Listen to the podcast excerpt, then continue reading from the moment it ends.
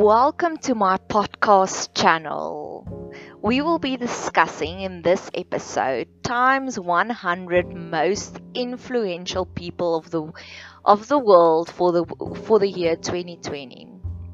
I have been a prolific podcaster for the past 2 years, but I used to make all my podcasts in Afrikaans, my home language. I have decided to start juggling to start working a little bit with my second language, English, trying to make this podcast channel open for an international market. My main aim is to bring more awareness of what's currently going on in South Africa, especially with our farm murders. So I will be using this podcast just to shine a little bit light on South Africa and especially the atrocities that our farmers have to endure on a daily basis. Please make contact with us if you'd like to know more. We are on Facebook, we are on Instagram. Please leave a comment in the comment box below if you'd like to have more information. Our name is our ministry's name. We've got a ministry for women, helping them to find their way towards emotional healing. We call ourselves a Hebrew name Bet Seber, literally meaning house of hope. I will spell it for you B E T S E B E R. Bet Seber, also the name of this podcast channel. I hope you enjoy my journey through time's 100 most influential people for the for the world for the year 2020.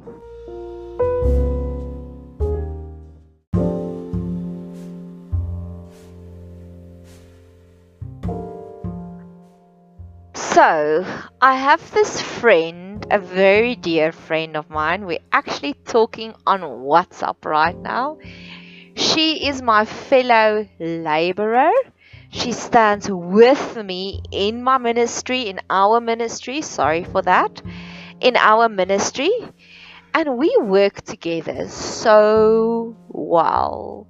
She is a trained, accredited counselor where I see myself more as a spiritual advisor. I don't have any formal treatment, any formal qualifications of anything in the spiritual world behind me. I'm not a counselor, I'm not a pastor.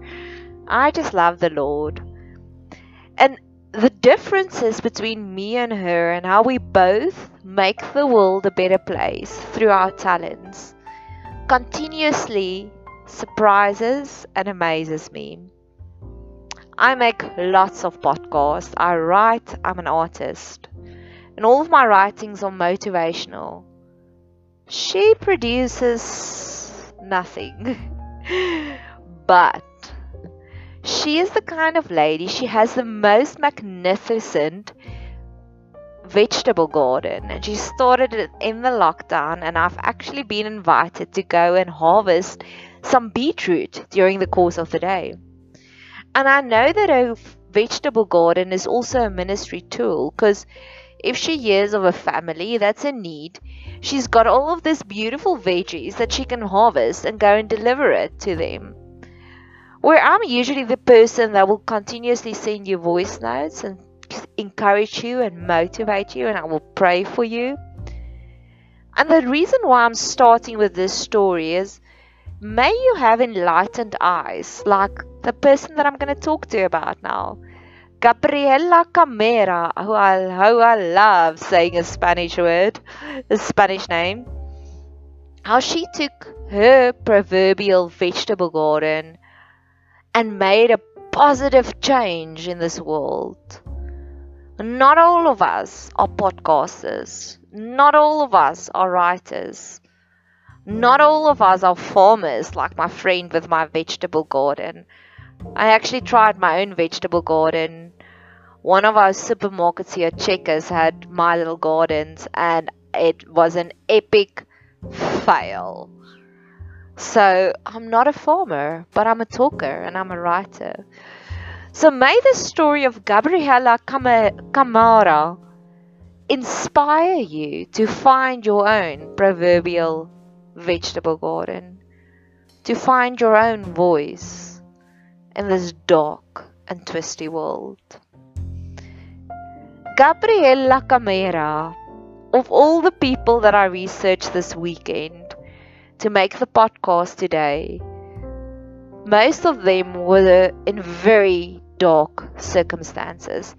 They rushed into the mouth of hell and they brought a light in there.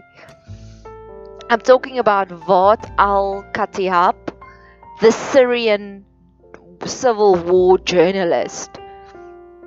I'm talking about Zhang Yongzhen, who brought the world the genome of COVID and facing the consequences of his own government. I'm talking about Abubacarr Tambadou, who rushed into a genocide on a remote corner of the world. So, all three of those are very intense, very dark. But Gabriela's story is so light and so fluffy, it's like candy floss or marshmallows. When I listened to podcasts of her, it was visible for me to feel the joy she was excurting, excurting, excreting. Can you hear that English is not my first language? But I'm trying. I want to zoom into the joy because her story reminded me of one of my favorite Bible characters. There's this person in Acts Acts 8, and his name is Philip. And I love the name Philip. My dearest brother's name is also Philip. So I only have fond memories of the name Philip. And everywhere where Philip went to preach the word of God, whenever he left a person or a community, it is written up in the word of God, in the Bible, in Acts, about the joy, the gift of joy that he left the community or the person with. Acts 8, verse 8. And there was great joy in that city. Or in the same chapter, at the end of it, verse 39, 39 after he met up with a eunuch, and he went on his way rejoicing. And some people have that talent. And I want to rejoice in the joy that I got while listening to a podcast with Gabriela because through the podcast, I could hear her joy. And sometimes that's the gift that we have for the world. Sometimes that's our proverbial vegetable garden. It's joy. It's this hmm. joy. So, who is Gabriela Camara? Gabriela owns two restaurants one in Mexico City and another one in San Francisco. And the one in Mexico is actually her biggest accomplishment because that's what placed her on the map. Currently, wait for it, this restaurant owner is one of the Mexican president's personal advisor. I love that. I love that concept that success is transferable because the Mexican president acknowledged and recognized that Gabriela has already accomplished the, the recipe for success. And he asked her to come and advise him in his own cabinet. A restaurateur advising a president. Only that small little detail of Gabriela's life gives me so much encouragement 1. A mature president asks for help. 2. A mature president recognizes success stories irrespectively in what shape or form they are manifested in front of him. It's as good as, with all due respect, our current president here in South Africa, President Cyril Ramaphosa, goes to one of the elite schools and asks the principal to advise him. That's the craziness in the story, and I love it because I know that's one thing that we have going for us. We've got excellent schools here in South Africa, excellent government schools.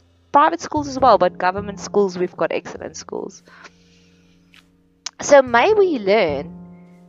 He's a politician, she's a restaurateur.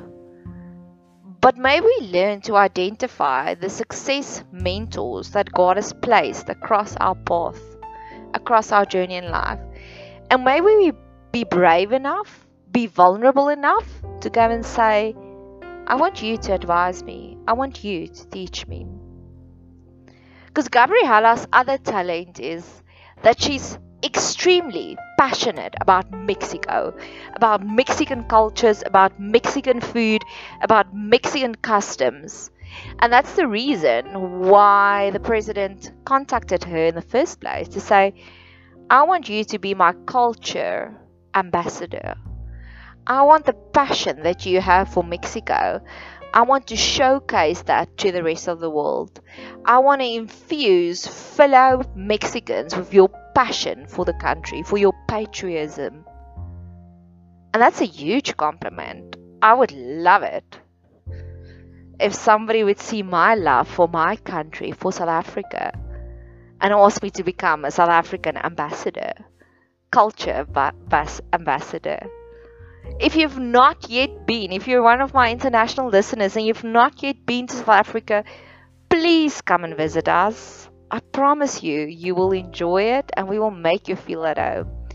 We do braaivleis, that's barbecue, and we're really good at it. None of those American sausage things. No, we do thick ribeye steaks. We do a grilled sandwich on the open fire we do malva pudding and we do milk tart. And I guarantee you, I've met so many international people and they've all said they've never received such warm hospitality than that of a South African.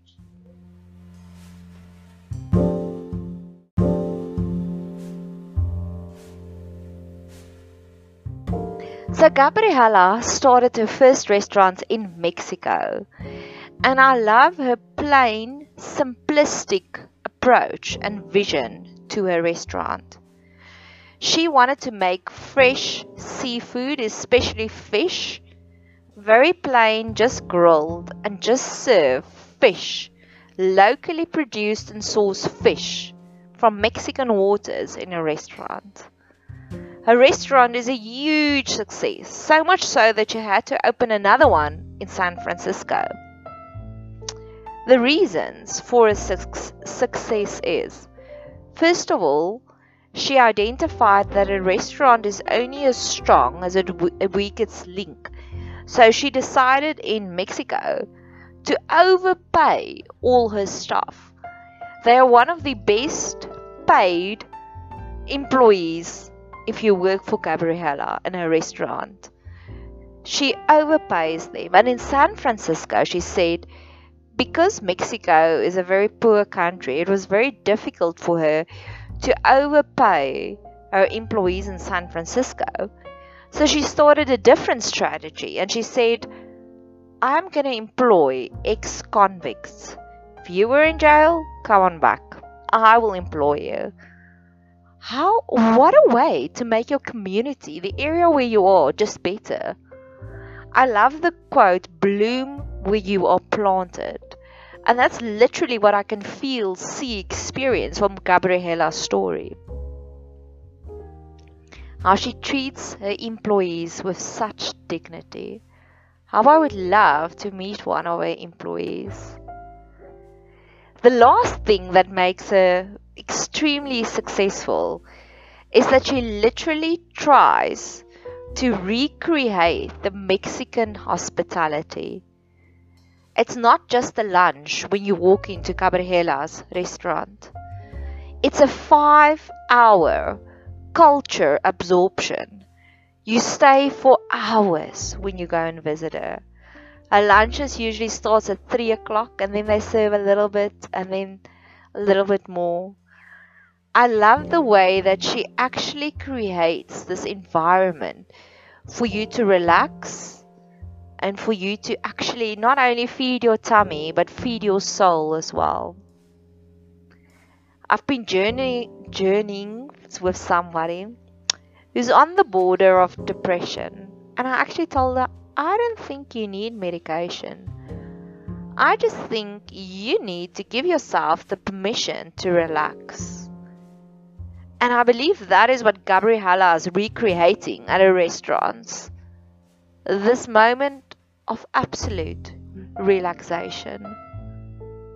May we create little oases for ourselves just to relax. A couple of weeks ago, I identified one of my friends who's also had a problematic childhood, and I said, I think one of the symptoms of a problematic childhood is that your innocence and your childhood has been lost. So I asked her on a random Thursday morning, please, can we go out and redeem our childhood? And we went and we played games and we ate a huge smash burger at RocoMamas, 11 o'clock on a fr- on Thursday morning, which is totally out of the norm because usually you eat quite healthy during the week. So may we create little moments for us just to fun, just to have fun, to kick back. Because I believe if we fill up our joy tanks, it will automatically flow over to our brothers and our sisters. Gabriela Camara, your story truly inspired me. May you grow from strength to strength you have taught us how to be a success in one of the most difficult industries the restaurant industry, the hospitality industry. Gabriella was nominated for this time's most influ- 100 most influential people by a fellow chef and this reminded me of a quote that I received from this specific friend that I'm going to harvest some beetroot from just later. She said, A prophet is without honor in his own country. And this made me think usually it's our peers that we receive the most criticism from.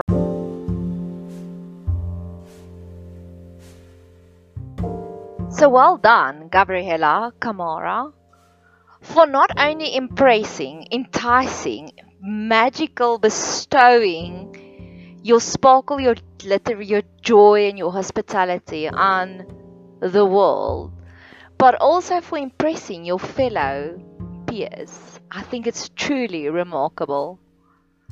Maybe just get more and more stories of this that inspires us to be the best at what we do. If it is making podcast, if it is having a vegetable garden, if it is raising children, if it is being a home industry master, being a housewife, maybe truly strive to be the best, whichever circumstances we are placed in.